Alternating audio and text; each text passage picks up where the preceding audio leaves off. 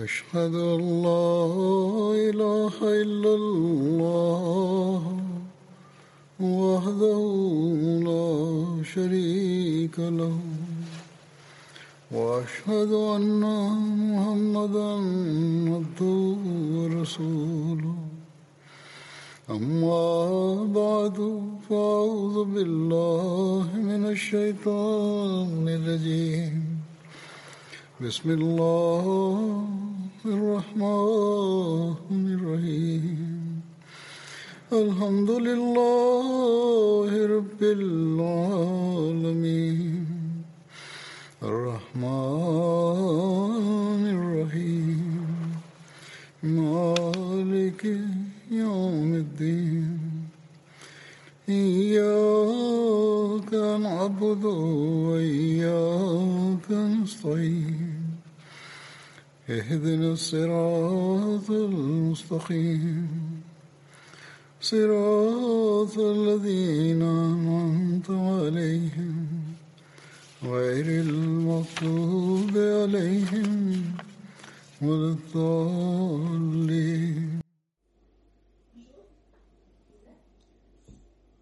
Pada hari ini, saya akan mulai dengan riwayat Hadrat Utsman radhiyallahu anhu yang akan berlangsung sampai beberapa minggu ke depan. Berkenaan dengan Hadrat Utsman, pertama-tama perlu diingat bahwa beliau sendiri tidak ikut serta pada perang Badar. Beliau termasuk ke dalam daftar delapan sahabat yang beruntung yang ditetapkan oleh Rasulullah ikut serta pada perang Badar dan berhak mendapatkan bagian harta ghanimah.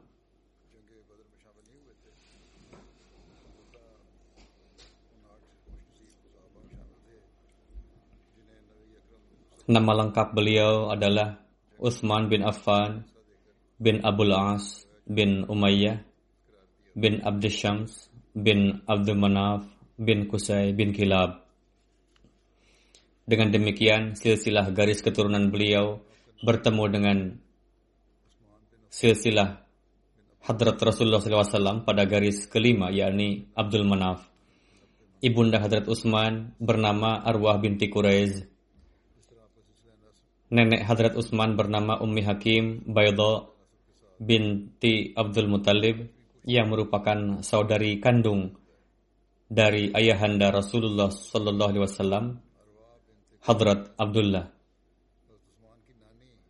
Berdasarkan satu riwayat, ayahanda Rasulullah terlahir kembar dengan nenek Hadrat Utsman radhiyallahu anhu.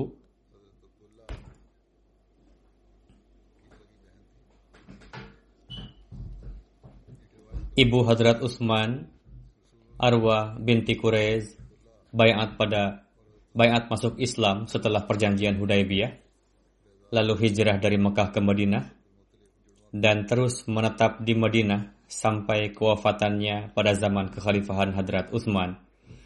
Ayahanda Hadrat Utsman wafat pada zaman jahiliyah.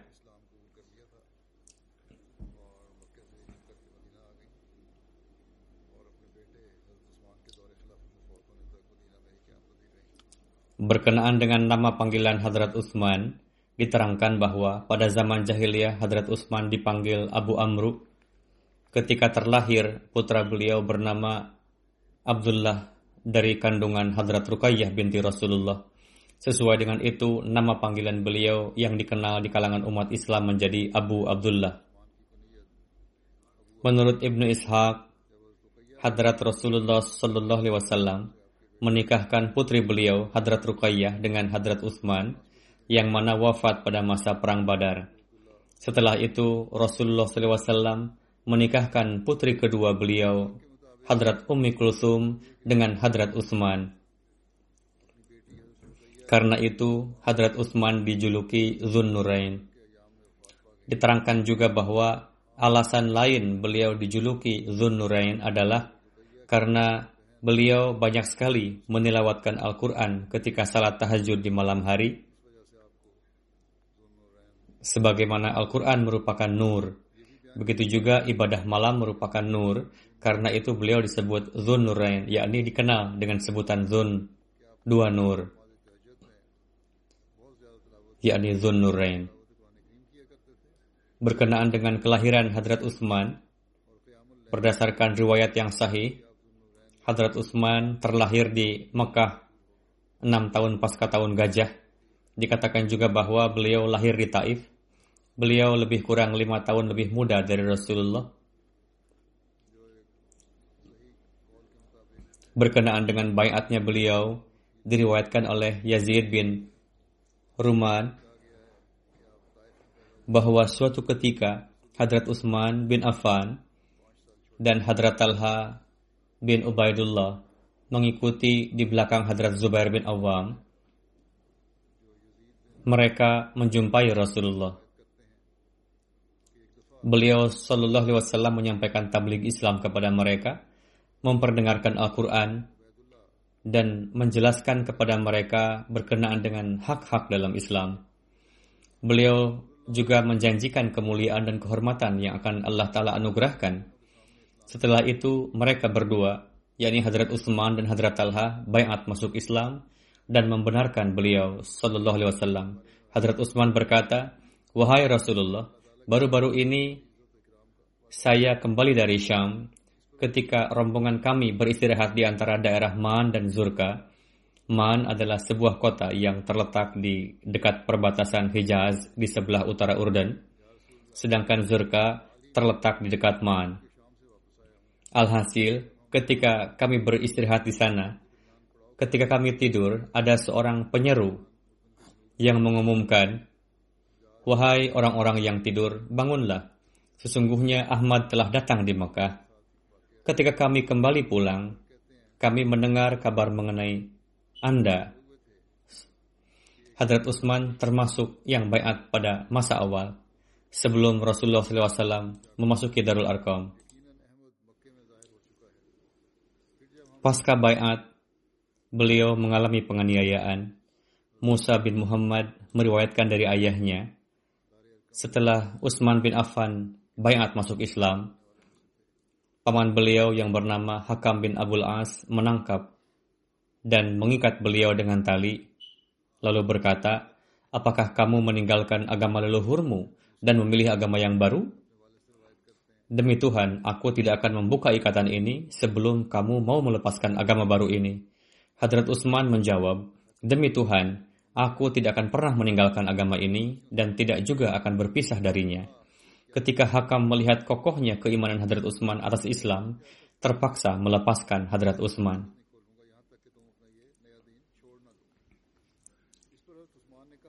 Ketika Hadrat Utsman menikah dengan Hadrat Ruqayyah dijelaskan sebagai berikut sebelum pendakwaan kenabian Rasulullah Wasallam, Hadrat Ruqayyah telah dijodohkan dengan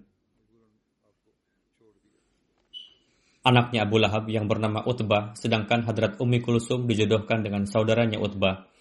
Ketika surat Al-Lahab turun, ayah mereka, yakni Abu Lahab berkata kepada mereka, jika kalian tidak meninggalkan putrinya Muhammad Sallallahu Alaihi Wasallam, maka aku tidak akan menjalin hubungan lagi dengan kalian. Tinggalkanlah perjodohan ini. Sebelum Ruksana, mereka kedua putra Abu Lahab tadi menceraikan kedua putri Rasulullah. Setelah Hadrat Utsman bin Affan menikahi Rukayyah di Mekah, lalu hijrah bersamanya ke Habsyah. Hadrat Rukayyah dan Hadrat Utsman memiliki paras yang indah. Sebagaimana dikatakan, Ahsana zaujaini ra'ahuma insan Ruqayyatu wa zawjuha Utsman. Artinya, pasangan yang paling indah yang pernah dilihat oleh manusia adalah Hadrat Ruqayyah dan Hadrat Utsman. Abdurrahman bin Utsman Quraisy meriwayatkan Rasulullah SAW berkunjung ke rumah putri beliau yang saat itu tengah membasuh kepala Hadrat Utsman. Rasulullah SAW bersabda, Nak, Perlakukanlah Abu Abdullah dengan baik. Sesungguhnya di antara sahabatku yang paling mirip denganku dari sisi akhlak adalah Uthman. Ibnu Ishaq berkata, ketika Rasulullah melihat para sahabat mengalami ujian penganiayaan. Sedangkan Rasulullah SAW sendiri dalam keadaan baik-baik saja.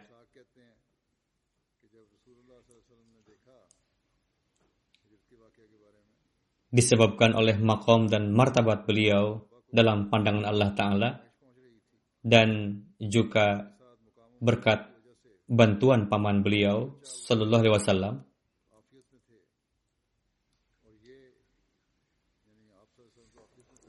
Namun Rasulullah SAW tidak mampu menghentikan penganiayaan yang dialami oleh para sahabat.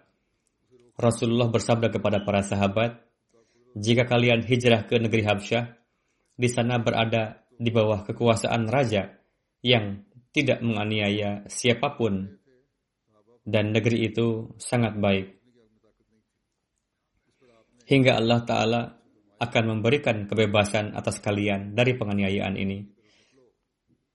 Setelah itu, sebagian sahabat Rasulullah hijrah ke Habsyah karena khawatir akan penganiayaan dan untuk mencari Allah Ta'ala melalui agamanya meninggalkan Rasulullah SAW. Hijrah tersebut merupakan hijrah pertama dalam Islam. Di antara yang hijrah ke Habsyah adalah Hadrat Utsman dan istrinya Hadrat Ruqayyah binti Rasulullah sallallahu alaihi wasallam. Hadrat Anas meriwayatkan Hadrat Utsman hijrah ke Habsyah disertai oleh istri beliau Hadrat Ruqayyah binti Rasulullah sallallahu alaihi wasallam. Namun kabar mereka telah sampai kepada Rasulullah. Belum ada kabar bagaimana keadaan mereka sampai di mana dan lain-lain. Lalu Rasul keluar dan mencari tahu kabar mereka. Datanglah seorang wanita yang mengabarkan mengenai mereka kepada Rasulullah. Lalu Rasulullah bersabda, Utsman adalah orang pertama setelah Nabi Lut yang hijrah di jalan Allah beserta dengan keluarga. Hadrat Sa'ad meriwayatkan, ketika Hadrat Utsman bin Affan beriradah untuk hijrah ke negeri Habsyah, Rasulullah bersabda kepada beliau, bahwa serta Rukayyah juga, saya rasa nanti kalian akan saling menyemangati satu sama lain. Rasulullah bersabda kepada Hadrat Asma binti Abu Bakar, Pergilah kamu, cari tahu kabar mengenai mereka berdua. Bagaimana keadaan mereka, sudah sampai mana, dan lain-lain. Sekembalinya Hadrat Asma, Hadrat Abu Bakar sedang bersama dengan Rasulullah Wasallam. Hadrat Asma mengabarkan bahwa Hadrat Utsman mendudukan Hadrat Ruqayyah di atas khajar, yakni anak yang dihasilkan dari perkawinan kuda jantan dan keledai betina, pergi menuju laut. Rasulullah bersabda, Wahai Abu Bakar, mereka berdua adalah pasangan pertama yang hijrah setelah Nabi Lut dan Nabi Ibrahim.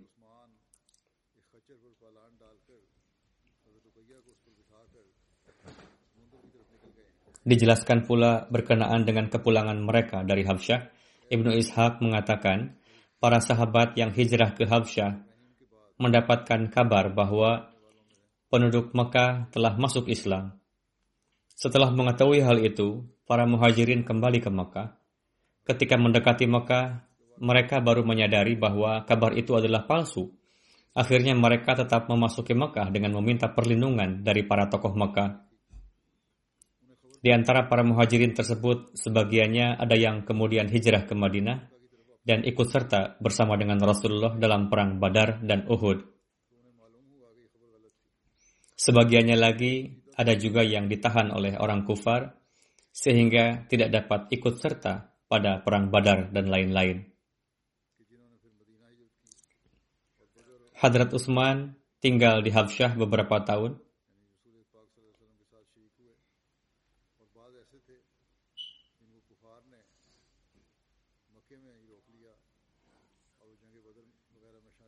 Tertulis dalam kitab bahwa Beliau tinggal beberapa tahun. Setelah itu, ketika para muhajirin mendapatkan kabar palsu mengenai bayatnya para penduduk Mekah, mereka kembali ke Mekah, begitu juga Hadrat Utsman. Sesampainya di Mekah, diketahui bahwa kabar tersebut adalah palsu. Untuk itu, sebagian sahabat tadi kembali lagi ke Habsyah, namun Hadrat Utsman tetap menetap di Mekah hingga ada kemudahan untuk hijrah ke Madinah. Rasulullah SAW menghimbau para sahabat untuk hijrah ke Madinah. Hadrat Utsman pun hijrah ke Madinah bersama keluarga. Dikisahkan dalam satu riwayat bahwa Hadrat Utsman hijrah lagi ke Habsyah, namun kebanyakan buku sejarah tidak menyebutkan bahwa beliau hijrah lagi ke Habsyah. Adapun latar belakang hijrah Habsyah dan selengkapnya dijelaskan dalam buku-buku sejarah. Namun para penulis sejarah yang berhati-hati tidak membenarkan begitu saja karena secara diraya tidaklah mungkin Sebagaimana dalam menjelaskan perihal hijrah Habsyah, Hadrat Mirza Bashir Ahmad Sahib telah melakukan penelitian. Beliau menjelaskan yang mana meskipun sebagiannya telah saya sampaikan sebelumnya dalam topik sahabat lain, namun penting juga untuk saya sampaikan pada kesempatan ini. Penelitian beliau sebagai berikut. Ketika penderitaan umat muslim sampai pada puncaknya dan kufar Quraisy semakin menjadi-jadi dalam penganiayaannya, maka hadrat Rasulullah memerintahkan untuk berhijrah ke Habsyah dan bersabda bahwa Raja Habsyah adalah seorang raja yang adil dan menyukai keadilan. Di bawah kekuasaannya tidak ada yang dianiaya. Habsyah yang disebut Ethiopia dalam bahasa Inggris atau Abyssinia terletak di sebelah timur laut benua Afrika dan tepat berseberangan dengan Arab bagian utara dan di antara keduanya tidak ada negeri yang membatasi selain dari Laut Merah.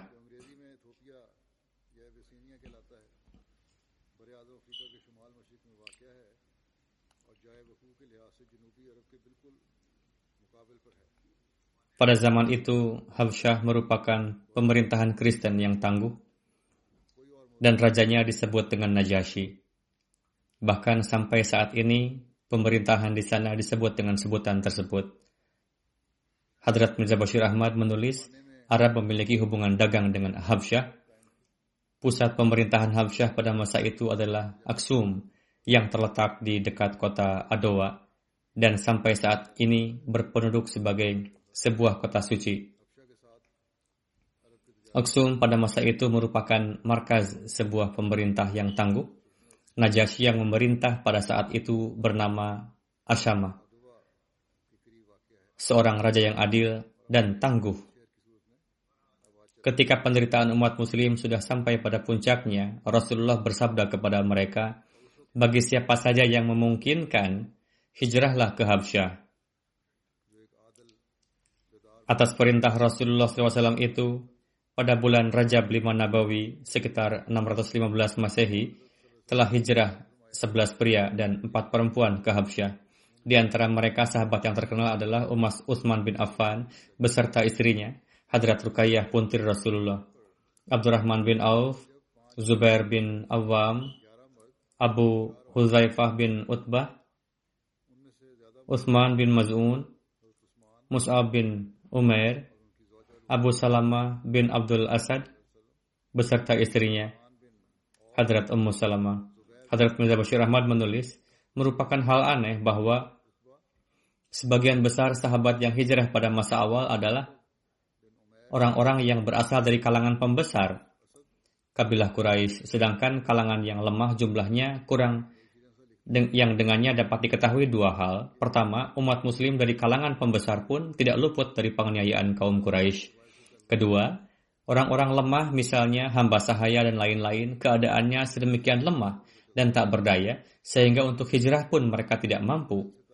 Ketika para muhajirin ini berangkat ke arah selatan dan sampai di Shuaibah, yang pada masa itu merupakan pelabuhan Arab, yang mana dengan karunia Allah Ta'ala mereka menemukan sebuah kapal dagang yang sudah siap untuk berangkat ke Habsyah. Lalu mereka menumpangi kapal tersebut. Ketika Quraisy Mekah mengetahui kepergian kaum muslimin, mereka naik pitam, berpikir bahwa buruan mereka telah lepas dari tangan. Lalu mereka berusaha mengejar para muhajirin, namun ketika pasukan Quraisy sampai di pantai, kapal laut telah berangkat. Akhirnya mereka pulang dengan tangan kosong. Sesampainya di Habsyah, umat muslim mendapatkan kehidupan yang sangat damai dan mereka bersyukur telah terhindar dari kezaliman bangsa Quraisy. Sebagaimana yang disampaikan oleh para ahli sejarah bahwa belum lama mereka tinggal di Habsyah, sampai kabar burung kepada mereka yang menyatakan bahwa seluruh Quraisy telah beat masuk Islam dan di Mekah telah tercipta kedamaian. Sebagai akibat dari kabar burung tersebut, kebanyakan para muhajirin tanpa pikir panjang kembali pulang ke Mekah. Sesampainya di Mekah, mereka menyadari bahwa kabar tersebut adalah dusta, sehingga itu menjadi kesulitan besar bagi para muhajirin. Pada akhirnya, sebagai sebagian dari mereka ada yang kembali lagi ke Habsyah dan sebagiannya lagi ada yang sembunyi-sembunyi memasuki Mekah atau meminta jaminan dari tokoh Quraisy untuk memasuki Mekah. Peristiwa itu terjadi pada bulan 5 Nabawi, yakni dari permulaan hijrah sampai kepulangan hanya terhitung dua setengah atau tiga bulan. Meskipun pada kenyataannya kabar tersebut sama sekali dusta dan tidak berdasar dan disebabkan oleh Quraisy untuk memancing kepulangan para muhajirin dan untuk menyusahkan mereka bahkan jika direnungkan lebih dalam lagi kisah kabar burung dan pulangnya para muhajirin tersebut nampak tidak berdasar namun jika dianggap benar, mungkin saja tersembunyi suatu peristiwa sebagaimana yang diterangkan oleh hadis-hadis. Jika memperhatikan beberapa riwayat yang menyatakan bahwa Hadrat Utsman tinggal di Habsyah selama beberapa tahun, maka riwayat tersebut terbukti keliru jika itu dianggap benar dan jika dianggap keliru. Maka berarti para muhajirin kembali setelah tiga atau empat bulan saja. Berdasarkan penelitian Hadrat Mirza Bashir Ahmad, riwayat tersebut terbukti keliru. Beliau anhu menulis, jika riwayat tersebut dianggap benar, maka mungkin saja terdapat peristiwa seperti yang diterangkan dalam beberapa hadis, sebagaimana tertulis dalam Sahih Bukhari bahwa suatu ketika Hadrat Rasulullah SAW menilawatkan surah An-Najm di depan Ka'bah. Pada saat itu juga terdapat banyak para pemuka Quraisy, begitu juga umat Muslim. Ketika Rasul selesai membacakannya, lalu beliau bersujud dan diikuti oleh seluruh umat Muslim dan kaum kufar yang ada di sana.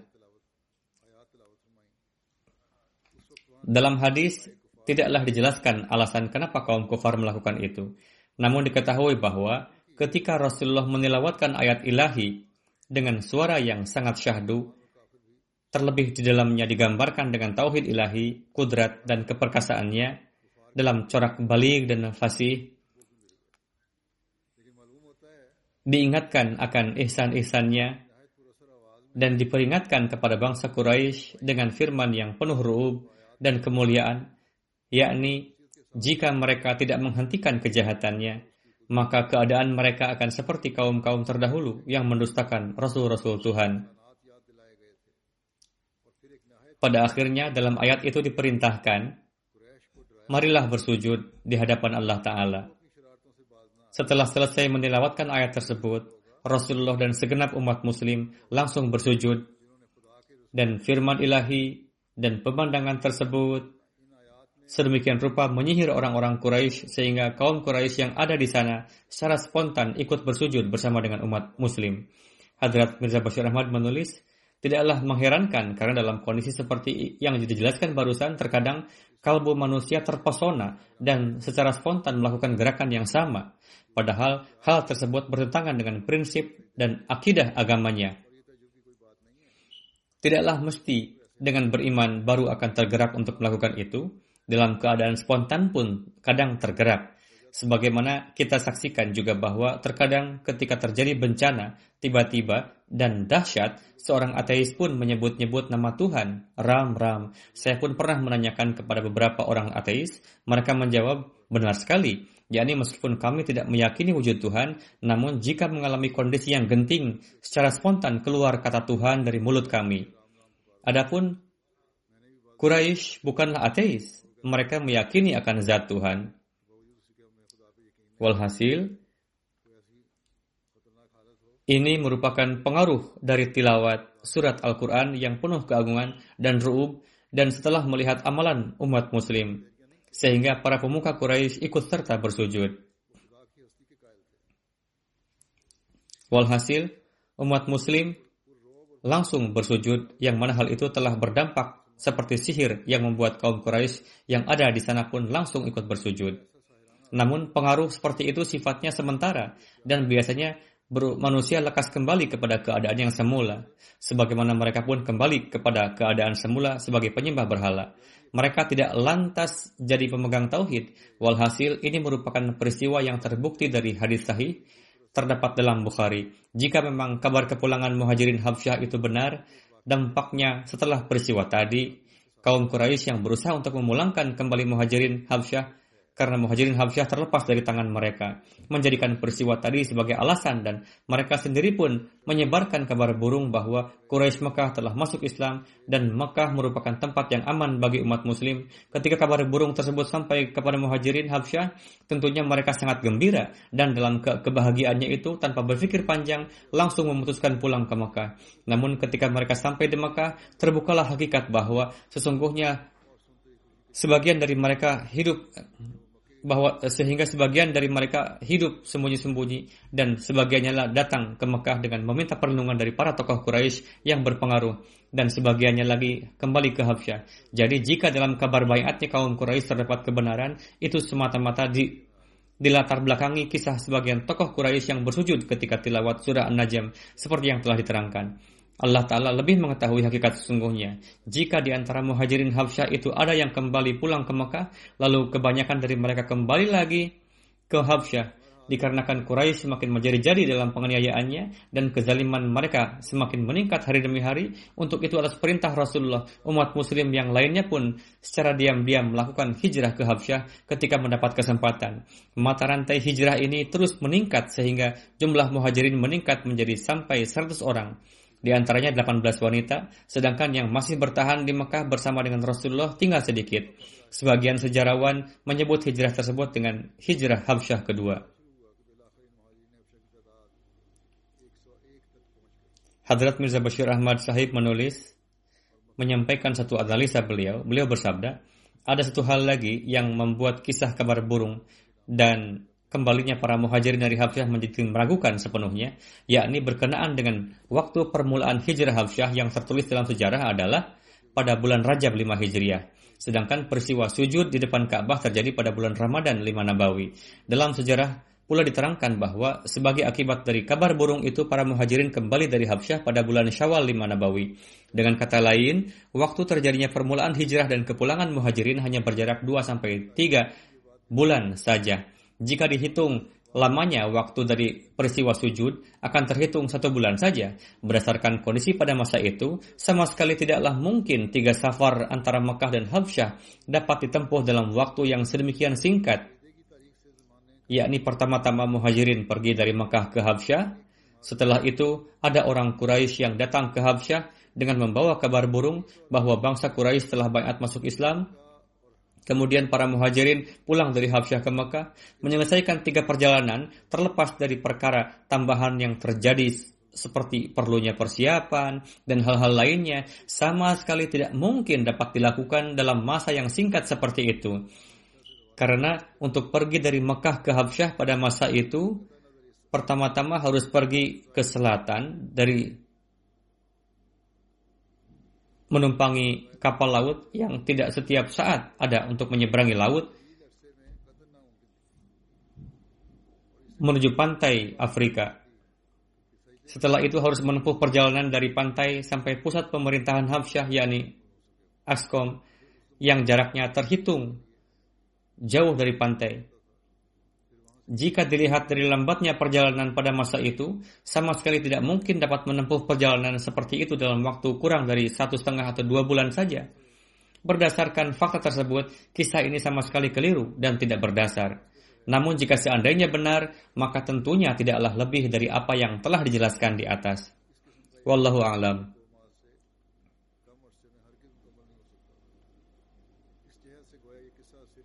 Alhasil, apa pun alasannya, Hadrat Utsman kembali lagi dari Habsyah setelah beberapa masa.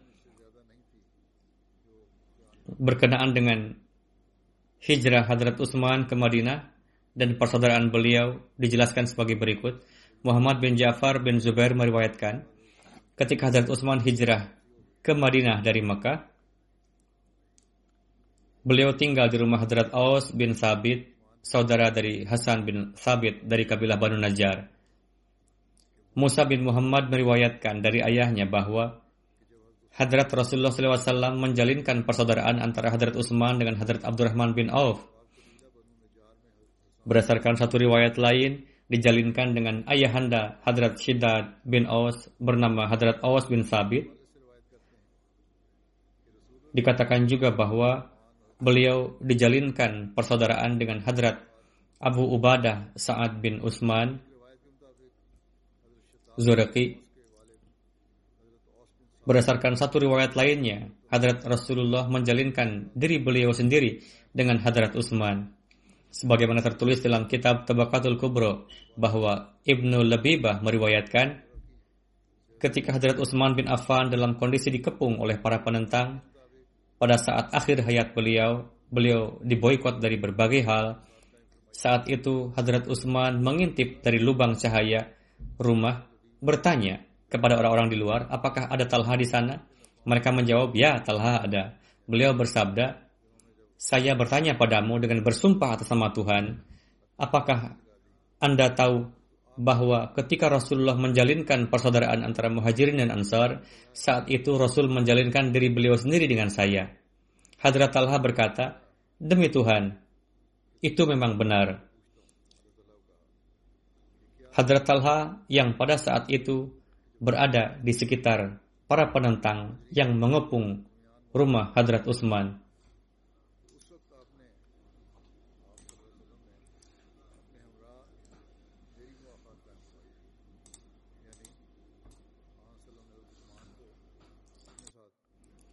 Para penentang bertanya kepada Hadrat Talha, apa yang sedang kamu lakukan ini? Hadrat Talha menjawab dengan berani dengan mengatakan, Hadrat Utsman bertanya kepadaku dengan mengambil sumpah, dan hal yang ditanyakan kepadaku, aku mengetahuinya. Lantas, apakah aku tidak boleh memberikan kesaksian atas kebenarannya? Saya tidak bisa berdusta. Adapun apa pun yang ingin kalian lakukan padaku, silakan saja. Berkenaan dengan kewafatan Hadrat Ruqayyah dan pernikahan dengan Hadrat Ummi Kulsum diriwayatkan bahwa Abdullah bin Muknif bin Haritha Ansari meriwayatkan ketika Rasulullah SAW berangkat untuk perang Badar, Rasulullah meninggalkan Hadrat Utsman bersama putri Rasul, Hadrat Ruqayyah yang saat itu tengah sakit. Hadrat Ruqayyah wafat pada hari ketika Hadrat Zaid bin Harithah berangkat ke Madinah membawa kabar suka kemenangan perang Badar kepada Rasulullah. Rasulullah SAW menetapkan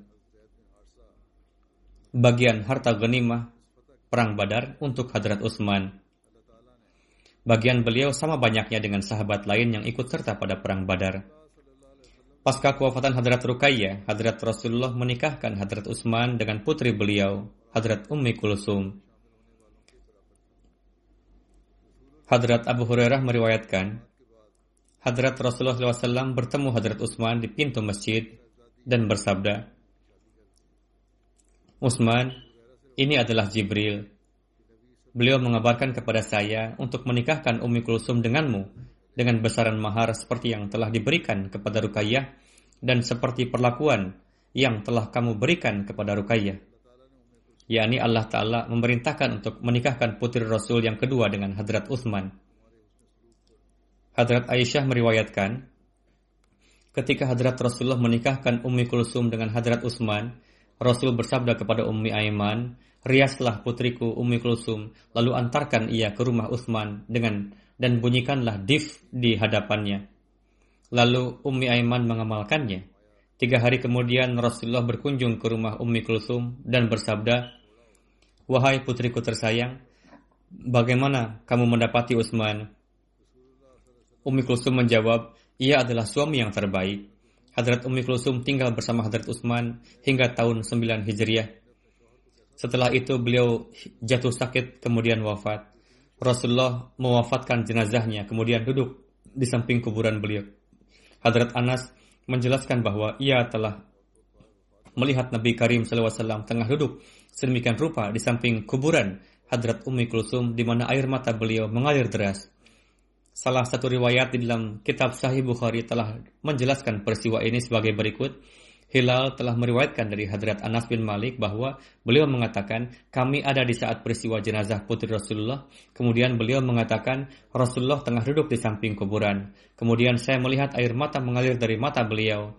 Tertera di salah satu riwayat bahwa Rasulullah pada saat kewafatan Hadrat Ummi Kulsum bersabda, Seandainya aku memiliki anak perempuan yang ketiga, maka aku akan menikahkannya juga dengan Utsman.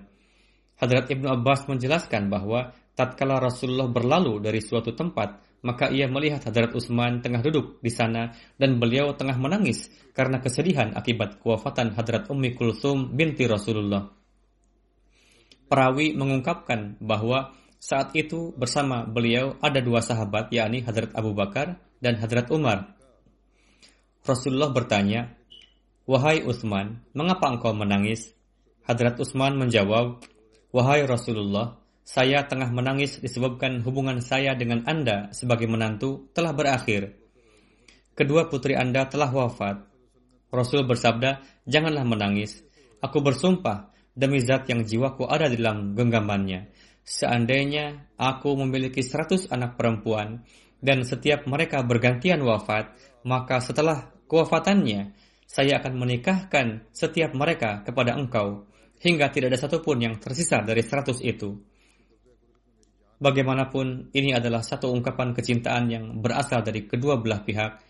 Pertama adalah Hadrat Utsman yang sedemikian sedih memikirkan hubungan itu, di mana yang mulia Rasulullah SAW telah kembali menjaganya dan memberikan keyakinan kepadanya bahwa hubungan tersebut telah berlang, tetap berlangsung. Pembahasan selanjutnya insya Allah akan di kesempatan yang akan datang. Sebagaimana yang akhir-akhir ini saya sampaikan dan sering saya tekankan di setiap Jumat, yaitu agar memanjatkan doa-doa untuk para Ahmadi di Pakistan. Teruslah panjatkan doa-doa untuk para para Ahmadi Para penentang memang terus berusaha untuk mempersempit ruang kita, namun mereka tidak mengetahui bahwa ada juga satu wujud di atas sana, ada juga satu wujud Allah Ta'ala yang takdirnya pun tengah bekerja, dan ruang lingkupnya tengah semakin mengelilingi mereka, dan tatkala ruang lingkupnya itu semakin meliputi, maka tidak ada yang dapat lari dari darinya. Semoga Allah telah memberikan pikiran kepada orang-orang tersebut dan semoga sekarang pun orang-orang ini bekerja dengan menggunakan pikiran mereka menjunjung keadilan dan berhenti dari melakukan tindakan penekanan dan aniaya yang tidak beralasan. Kemudian berdoalah juga untuk orang-orang Ahmadi di Aljazair, semoga mereka senantiasa aman dalam keyakinan mereka. Demikian juga di beberapa tempat lainnya pun permusuhan terhadap para Ahmadi tengah banyak berlangsung. Semoga Allah telah menjaga setiap Ahmadi di setiap tempat dari segala mara bahaya. Setelah sahabat, setelah salat saya pun akan mensalatkan beberapa jenazah secara gaib di mana mengenai mereka saya sampaikan di sini. Yang pertama adalah yang terhormat Maulana Sultan Mahmud Anwar Sahib, mantan Nazir Islah Irsyad Markaziyah. Beliau pernah menjadi Nazir Khidmat Darwishan dan juga sebagai Nazir Islah Irsyad bagian Rishtanata. Pada 11 Januari beliau wafat di usia sekitar 88 tahun. Inna lillahi wa inna ilaihi raji'un. Nama ayah beliau adalah Chaudhry Muhammad Din dan nama ibunda beliau adalah Rahmat Bibi. Ayahnya Bayat masuk ke dalam Ahmadiyah pada tahun 1928 di tangan Hadrat Khalifatul Masih yang kedua. Hadrat Maulana Sultan Mahmud Anwar Sahib adalah anak satu-satunya beliau. Setelah Maulana Sultan Mahmud Anwar Sahib menempuh pendidikan menengah di bulan April, beliau mewakafkan diri beliau dan pada tahun 46 beliau mendaftarkan diri ke dalam Madrasah Ahmadiyah, Kadian. Setelah berdirinya Pakistan, beliau belajar di Jamiah Ahmadiyah di Ahmad Nagar. Kemudian pada tahun 52 beliau mengambil ujian Maulwi Fazil dan pada tahun pada bulan April 56 beliau mendapat gelar syahid dari Jamiah Ahmadiyah. Beliau menikah dengan Mahmudah Syaukat Sahibah binti Chaudhry Sa'aduddin Sahib. Beliau dinikahkan oleh Maulana Jalaluddin Syams pada tahun 60 di kesempatan Jalsah Salana. Beliau memiliki empat anak laki-laki dan dua anak perempuan. Salah satu putra beliau adalah Ihsan Mahmud, seorang wakaf zindagi yang sekarang tengah berkhidmat di kantor Tahrik Jari Rabuah.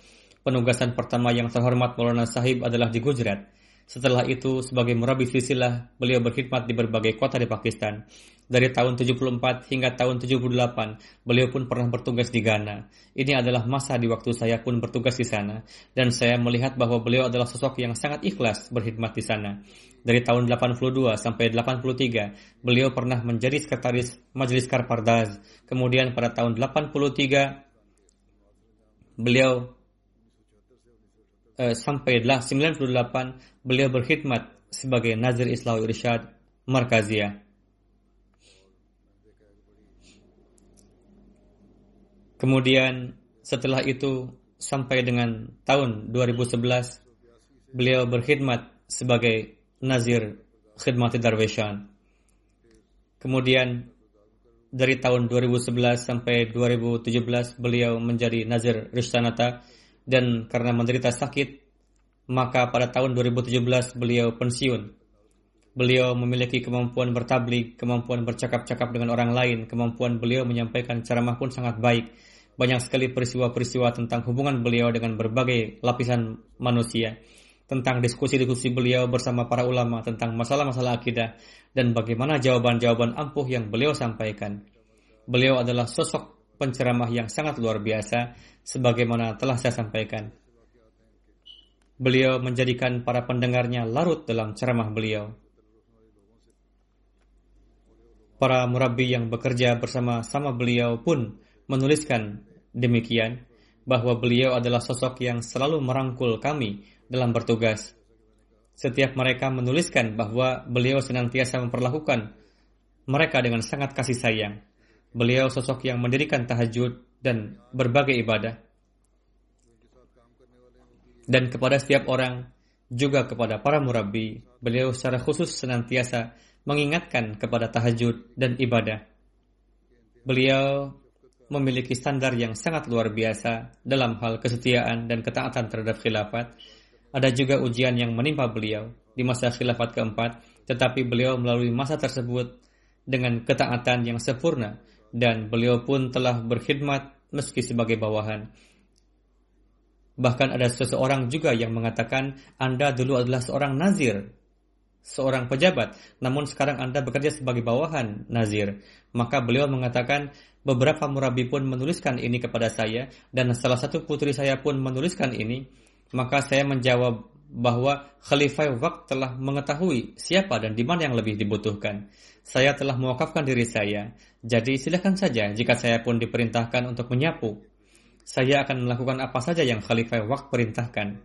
Maka kemudian Allah Ta'ala pun memberikan keadaan yang lebih baik dan saya meyakini bahwa contoh kesetiaan dan ketaatan beliau yang sempurna telah sampai pada corak pengabulan. Kemudian beliau pun menjadi salah satu anggota sadar Anjuman Ahmadiyah dan juga menjadi nazir. Di mana pun beliau berkhidmat, beliau selalu memperlihatkan contoh pengkhidmatan dan ketaatan yang sempurna kepada amir setempat. Baik saat beliau di Karachi atau di tempat-tempat lainnya. Semoga Allah Ta'ala menganugerahkan ampunan dan belas kasih kepada beliau dan semoga keturunan beliau pun dianugerahkan taufik untuk melanjutkan kebaikan-kebaikan beliau. Beliau juga telah melakukan beberapa pekerjaan keilmuan di mana ada beberapa karya tulis beliau. Salah satu buku karya beliau adalah mendirikan keagungan kalimat syahadat adalah identitas seorang Ahmadi. Buku beliau yang kedua adalah Wujud Allah Ta'ala, Hadrat Muhammad Mustafa Sallallahu Alaihi Wasallam, Al-Quran Karim dan Ka'bah. Kemudian ada satu buku beliau tentang masalah jumlah anggota jemaat. Kemudian buku sebab-sebab kegagalan dalam penerapan syariat. Kemudian satu buku beliau hukuman bagi penghina kenabian. Demikianlah tulisan-tulisan karya beliau. Beliau pun telah mengerjakan pekerjaan-pekerjaan keilmuan. Sebagaimana telah saya katakan, beliau adalah sosok yang bekerja dengan sangat luar biasa. Semoga Allah telah memperlakukan beliau dengan belas kasih dan ampunan. Jenazah kedua adalah Maulana Muhammad Umar Sahib yang pernah menjadi Nazir Islawi Rishad Markaziyah Kadian yang merupakan putra dari PK Ibrahim Sahib. Pada tanggal 21 Januari beliau pun telah wafat di usia 87 tahun. Innalillahi wa inna ilaihi raji'un. Almarhum berasal dari Kerala. Ayah beliau yaitu Ibrahim Sahib dahulu merupakan salah satu penentang dan musuh jemaat yang besar. Sepuluh tahun sebelum kelahiran Maulana Sahib, ayah beliau pindah ke Bombay atau Mumbai untuk berdagang. Pada masa itu di kota Bombay banyak Ahmadi yang melakukan perdagangan. Di Bombay ada beberapa Ahmadi yang berasal dari Malabar yang melakukan pertemuan dengan beliau sehingga terjadi pertukaran pikiran mengenai ajaran-ajaran Ahmadiyah. Dan pada tahun 24, tatkala Hadrat Khalifatul Masih yang kedua datang ke kota Bombay, beliau mendapatkan karunia untuk bayat masuk ke dalam silsilah jemaat ini di tangan huzur yang penuh berkat. Setelah itu, beliau pun mendapatkan taufik untuk berziarah ke Kadian. Maulana Umar Sahib datang ke Kadian pada tahun 54 di masa Madrasah Ahmadiyah kembali dibuka setelah peristiwa partisi India. Pada 55 beliau masuk ke Madrasah Ahmadiyah di tahun 61 setelah beliau lulus dari Madrasah Ahmadiyah dan ujian Maulwi Fazil dari Universitas Punjab. Beliau mengajar hingga satu tahun lamanya di Madrasah Ahmadiyah. Saat masa pendidikan, atas keinginan dari sosok sahabat Hadrat Masih Maud salam yaitu Hadrat Bhai Abdurrahman Sahib Kadiani, beliau mendapatkan karunia untuk memperdengarkan Al-Quran Karim setiap hari di waktu subuh hingga sekitar satu tahun lamanya di rumah beliau radhiyallahu anhu. Pada tahun 62, beliau memulai rangkaian pengkhidmatan beliau di lapangan pertabligan. Beliau telah berkhidmat di banyak kota-kota besar di Hindustan dan beliau terus berkhidmat sebagai seorang mubalik yang berhasil Beliau banyak memberikan ceramah-ceramah di berbagai pertemuan-pertemuan perdabligan. Beliau ikut serta di perdebatan Yadgir. Kemudian sesuai dengan petunjuk khas dari Hadrat Khalifatul Masih Ar-Rabi rahimahullah, beliau ikut dalam perdebatan bersejarah di Coimbatore yang berlangsung hingga 9 hari berturut-turut di mana Maulana Muhammad Syahid Sahib dan Wakil Pusat Hafiz Muzaffar Sahib pun ikut serta saat itu. Secara khusus beliau telah bekerja sangat baik dengan mereka. Hadrat Khalifatul Masih Ar-Rabi rahimahullah yang dalam salah satu khutbah beliau pernah bersabda tentang hasil pekerjaan yang telah almarhum jalankan di suatu tempat bahwa ada beberapa jemaat di mana hanya ada seorang Ahmadi yang dengan segera memikul segenap beban sendirian dan ia menerjemahkan kemudian menyebarkan secara luas yakni menerjemahkan khutbah-khutbah dan segera menyebarkannya. Dan dengan karunia Allah Ta'ala di jemaat-jemaat yang seperti demikian telah terjadi kemajuan yang besar karena mereka, yakni para anggota mendapatkan khutbah khalifah waktu secara cepat dan anggota jemaat kita pun segera mengetahui apa yang tengah terjadi. Di India Selatan banyak jemaat-jemaat yang tidak mengerti bahasa Urdu dan di sana ada Mauli Muhammad Umar sahib membalik silsilah kita di mana Allah Ta'ala telah sedemikian rupa menganugerahkan semangat kepadanya akan hal ini. Seketika telinga beliau mendengar, saat itu juga beliau segera menerjemahkannya dan langsung menyebarkannya hingga segenap anggota jemaat. Walhasil beliau melaksanakan pekerjaan itu dengan sangat kerja keras. Beliau pun mendapatkan karunia untuk berkhidmat di Palestina hingga satu tahun lamanya. Beliau terus mendapatkan taufik untuk menerjemahkan Al-Quran Karim dalam banyak bahasa, dalam banyak buku-buku dan banyak buku-buku Hazrat Masih Maud salam ke dalam bahasa Malayalam dan bahasa Tamil.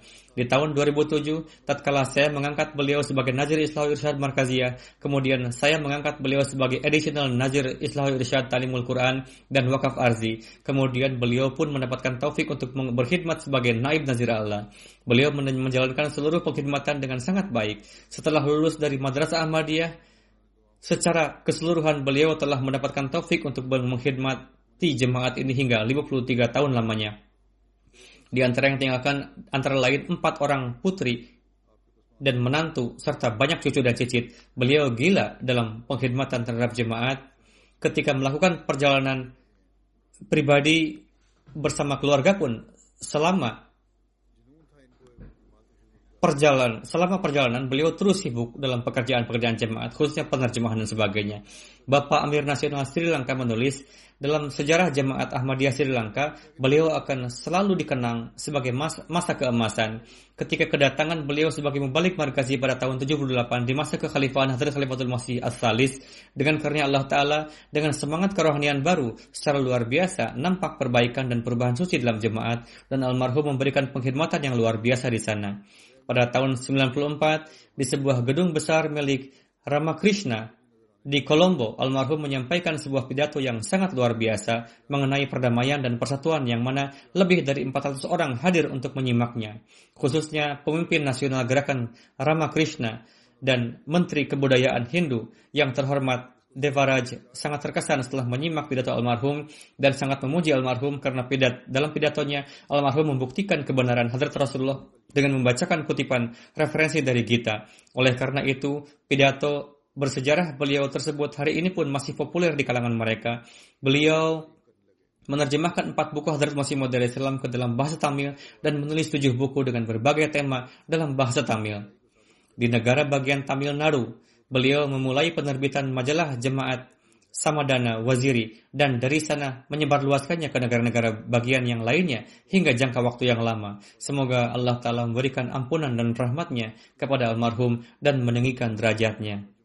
Semoga putra-putri almarhum diberikan taufik untuk dapat senantiasa menjalin ikatan dengan jemaat dengan penuh kesetiaan.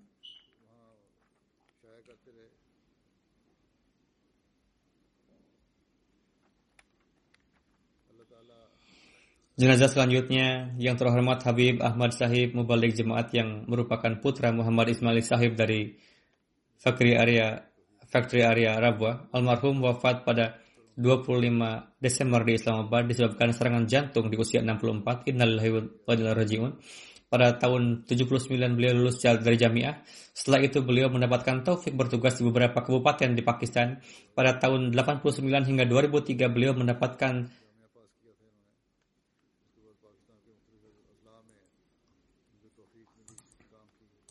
taufik untuk berkhidmat di Nigeria. Di masa tersebut dari September 98 hingga Oktober 2000, beliau menjabat sebagai Amir dan Missionary in Charge Nigeria. Beliau menjalankan pengkhidmatannya dengan penuh kerendah hatian. Selain tugas-tugas kantor, beliau juga mengerjakan tugas-tugas tarbiyat di lingkungan beliau dengan sangat baik. Di antara yang tinggalkan selain istri terdapat juga tiga orang putri dan dua orang putra. Semoga Allah telah memberikan ampunan dan rahmatnya kepada beliau dan memberikan taufik kepada anak keturunan beliau untuk dapat senantiasa menegakkan hubungan dengan jemaat dengan penuh kesetiaan. Jenazah selanjutnya yang terhormat Badrul Zaman Sahib yang merupakan karyawan di Wakalat Mal UK dalam jangka waktu yang lama. Beliau wafat pada 3 Januari. Innalillahi wa inna ilaihi raji'un.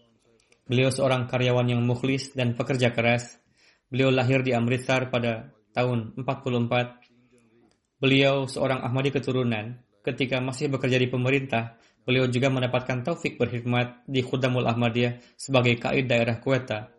Kemudian beliau juga menjadi Nazim Ansarullah Balochistan. Pada tahun 86 beliau juga menghadapi kasus persidangan dikarenakan kejemaatan beliau yang karenanya beliau juga dipenjara di jalan Allah Ta'ala. Beliau juga berkhidmat di Wakalat Mal Awal Rabbah dari tahun 95 hingga 99. Beliau pindah ke London, lalu mendapatkan taufik berkhidmat di Rakim Press dan kemudian di Additional Wakalat Mal London selama 17 tahun. Semoga Allah telah memberikan ampunan dan rahmatnya kepada almarhum. Jenazah selanjutnya yang terhormat Mansur Ahmad Tahsin Sahib, putra dari Maulwi Muhammad Ahmad Naim Sahib, mubalik dan karyawan jemaat di Departemen Ihtisab Nazarat umur Amah Rabwah. Beliau datang kepada anaknya di London. Beliau wafat pada 30 Desember di usia 70 tahun. Innalillahi wa inna ilaihi raji'un. Beliau mendapatkan taufik untuk mengkhidmati agama di berbagai kantor sebagai karyawan jemaat selama kurang lebih 25 tahun. Seorang yang sangat ramah, saleh dan penuh kasih sayang. Seorang yang sangat mencintai khilafat dan juga selalu menasihatkan mengenai hal ini kepada orang lain. Beliau biasa menyelesaikan berbagai urusan dengan penuh kesabaran dan ketelatenan. Biasanya urusan-urusan yang sulit diserahkan kepada beliau dan terkadang kedua belah pihak datang ke kantor dengan diliputi kemarahan. Namun dengan kecintaan dan kasih sayangnya beliau mengontrol emosi dan kemarahan mereka dengan dan permasalahan dapat diselesaikan. Beliau sedemikian rupa bersemangat dalam mengkhidmati jemaat sehingga istri beliau menulis bahwa suatu ketika dilaksanakan walimah putri beliau, Dr. Fariyah Mansur. Pada hari tersebut, pagi-pagi beliau bersiap untuk pergi ke kantor, lalu istri beliau mengatakan bahwa hari ini di rumah ada pernikahan, ambillah cuti. Beliau menjawab, undangannya jam 2, apa perlunya menyanyiakan waktu. Sekarang saya akan pergi ke kantor dan pada waktunya nanti akan pulang. Beliau bersikap hormat kepada para atasan. Jika berbeda pendapat dalam suatu perkara, maka beliau selalu menyampaikan pendapatnya dengan memperhatikan adab. Di antara yang ditinggalkan antara lain istri beliau, Rakhshinda Sahibah, dua orang putra dan dua orang putri. Semoga Allah telah memberikan rahmat dan ampunannya kepada almarhum. Saya mengenal beliau sejak kecil. Beliau teman sekolah saya. Saya selalu melihat beliau sebagai seorang yang sangat sopan, humoris, tidak pernah marah, tidak pernah bertengkar dan hal-hal ini bertahan dalam diri beliau hingga akhir hayatnya yang karenanya kemudian sifat-sifat ini juga memberikan peranan penting dalam mendamaikan orang-orang. Jenazah selanjutnya Dr. Idi Ibrahim Mawanga Sahib dari Tanzania yang wafat pada 9 Desember di usia 73 tahun. Innalillahi wa inna ilaihi raji'un. Beliau berhasil masuk di Fakultas Kedokteran Universitas Makerere, Uganda dan dengan karunia Allah Ta'ala meraih kehormatan sebagai dokter Ahmadi lokal pertama di Afrika Timur. Pak dokter mendapatkan taufik bayat di usia muda sejak pada sejak masa sekolah pun beliau biasa ikut serta dalam acara-acara keagamaan dikarenakan begitu banyaknya tuduhan-tuduhan terhadap jemaat Ahmadiyah dari mereka yang menamakan diri ulama di dalam hati beliau timbul ketertarikan untuk mengetahui mengenai jemaat. Pada waktu itu beliau bertemu dengan mubalik jemaat Syekh Abu Talib Sandi Sahib yang juga masih kerabat beliau ketika almarhum berbincang dengan beliau mengenai tuduhan-tuduhan tersebut, maka Syekh Sahib tidak hanya menjawab tuduhan-tuduhan yang dibuat-buat tersebut, melainkan juga memperlihatkan terjemahan Al-Quran dalam bahasa Swahili dan buku-buku lainnya yang diterbitkan oleh Jemaat Ahmadiyah. Setelah mempelajari buku-buku tersebut, Dr. Sahib bayat. Dengan karunia Allah Ta'ala, beliau memenuhi janji bayatnya hingga nafas terakhir beliau. Setiap saat beliau sibuk menyampaikan pesan Islam dan Ahmadiyah kepada orang-orang dari setiap golongan. Beliau sendiri membawa dalam tasnya buku-buku dan majalah-majalah jemaat ke pasar lalu menjualnya. Orang-orang bertanya kepada beliau, "Anda ini seorang dokter, mengapa berjualan buku di sini?" Maka beliau memberikan jawaban dengan riang bahwa ketika berada di rumah sakit saya sedang mengobati tubuh, sedangkan saat ini saya sedang mengobati ruh. Keduanya itu tidak bisa dipisahkan dan tidak juga salah satu dari darinya bisa diabaikan. Beliau sangat mencintai khilafat dan memiliki hubungan yang kuat dengannya. Beliau membesarkan anak-anaknya dengan cara islami. Beliau memberikan perhatian khusus pada taklim dan tarbiyat dan juga memperhatikan pelaksanaan salat berjamaah di rumah bersama anak-anak. Beliau membuat sebuah perpustakaan di rumah yang di dalamnya di samping buku-buku dari bidang keilmuan lain tersimpan juga buku-buku jemaat. Beliau selalu berdoa supaya anak keturunan beliau tetap tegak dalam Ahmadiyah, yakni Islam hakiki, dan menasihatkan hal ini juga kepada orang lain. Beliau sendiri melekat dengan jemaat, sedemikian juga semua anak-anak beliau pun melekat dengan jemaat dan mewarisi karakter baik ayahnya. Semoga Allah telah senantiasa melekatkan mereka dan memenuhi doa-doa dan keinginan-keinginan baik ayah mereka. Dan semoga Allah telah memberikan ampunan dan rahmatnya kepada Dr. Sahib dan meningkatkan derajatnya. Jenazah selanjutnya Sugra Begum Sahibah, istri dari Din Muhammad Sahib Nanggali, Darwish Kadian. Beliau wafat pada 6 Januari di usia 85 tahun. Innalillahi wa inna ilaihi raji'un. Beliau adalah putri dari sahabat Hadrat Masih Maud salam, Hadrat Hakim Muhammad Ram Ramadan Sahib. Beliau seorang wanita salehah yang disiplin dalam salat dan puasa, dawa melaksanakan tahajud, ramah terhadap tamu, penyabar, seorang yang bersyukur, pekerja keras, penuh simpati dan banyak lagi keistimewaan-keistimewaan lainnya. Beliau memiliki jalinan kecintaan yang kuat dengan khilafat. Hingga bertahun-tahun beliau mendapatkan taufik berkhidmat sebagai sekretaris khidmat khalak di Lajnah Imailah. Almarhumah seorang musiah, di antara yang tinggalkan antara lain dua orang putra dan dua orang putri. Seorang putra beliau Bashiruddin Sahib mendapatkan taufik berkhidmat hingga 40 tahun.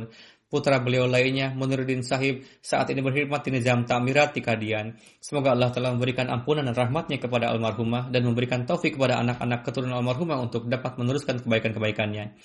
Jenazah selanjutnya yang terhormat Chaudhry Karamatullah Sahib yang wafat pada 26 Desember di usia 95 tahun. Almarhum adalah cucu dari sahabat Hadrat Masih Maud salam Hadrat Chaudhry Shah Din Sahib dari Ghatialia yang mendapatkan taufik bayat pada kesempatan kedatangan Hazrat Masih Maud salam ke Sialkot. Almarhum seorang yang berfitrat baik, tulus, penuh kecintaan, peduli dengan orang-orang miskin dan memperhatikan orang-orang yang membutuhkan. Dalam setiap keadaan beliau selalu bersyukur, beliau sosok yang mukhlis. Putra beliau Sahil Sahib menulis, keramahan terhadap tamu merupakan sifat beliau yang menonjol dan ini khususnya nampak pada saat para wakafin zindagi datang ke Badin, Sind dalam rangka kunjungan. Beliau mendapatkan taufik berkhidmat di Furkan Force. Dari 83 hingga 2018, beliau berkhidmat sebagai sukarelawan di kantor Al-Fazl Internasional.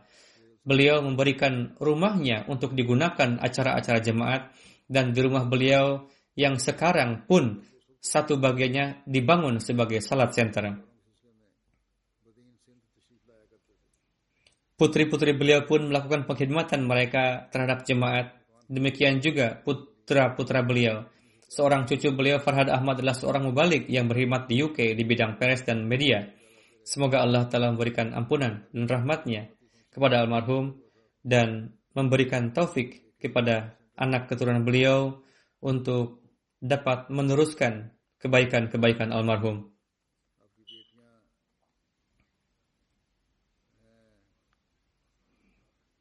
Jenazah selanjutnya Chaudhry Munawar Ahmad Khalid Sahib dari Jerman yang wafat pada 20 Agustus di usia 85 tahun. Inna lillahi wa inna ilaihi raji'un. Almarhum memiliki ikatan yang mendalam dengan nizam jemaat dan ikut serta dengan sekuat tenaga dalam upaya-upaya pertabligan dan tarbiyat. Dan di Jerman beliau mendapatkan taufik untuk berkhidmat sebagai ketua jemaat dan sekretaris umum dalam periode yang berbeda-beda. Beliau juga mendapatkan taufik berkhidmat di Ansarullah pada berbagai jabatan kepengurusan. Selain itu, ketika beliau di Pakistan, di sana beliau mendapatkan taufik bekerja sebagai manajer di lahan-lahan milik Tahrir Jadid. Beliau memiliki ikatan yang mendalam dan tulus dengan khilafat. Di antara yang tinggalkan, selain istri beliau, terdapat lima orang putra dan enam orang putri.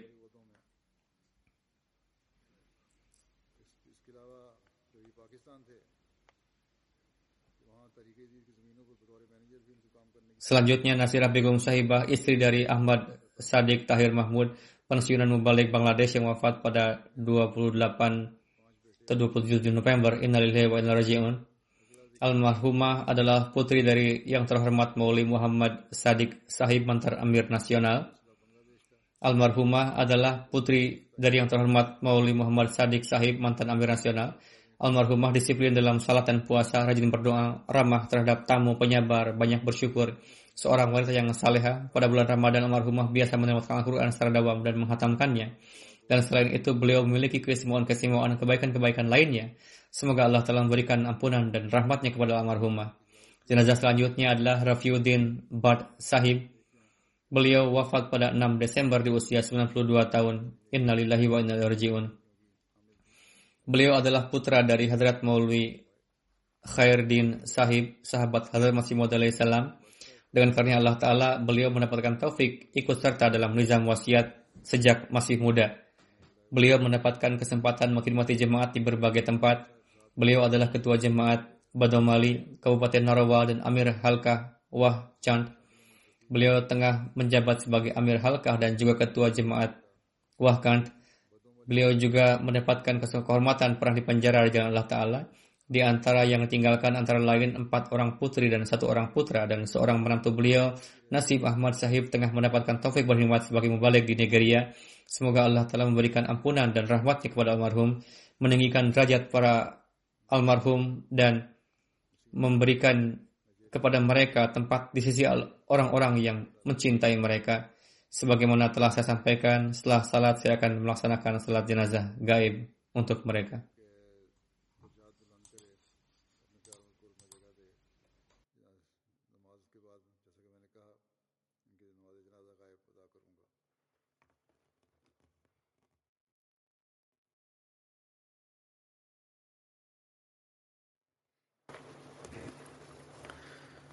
Alhamdulillah الحمد لله نعمده ونستعينه ونستغفره ونؤمن به ونتوكل عليه ونعوذ بالله من شرور أنفسنا ومن سيئات أعمالنا.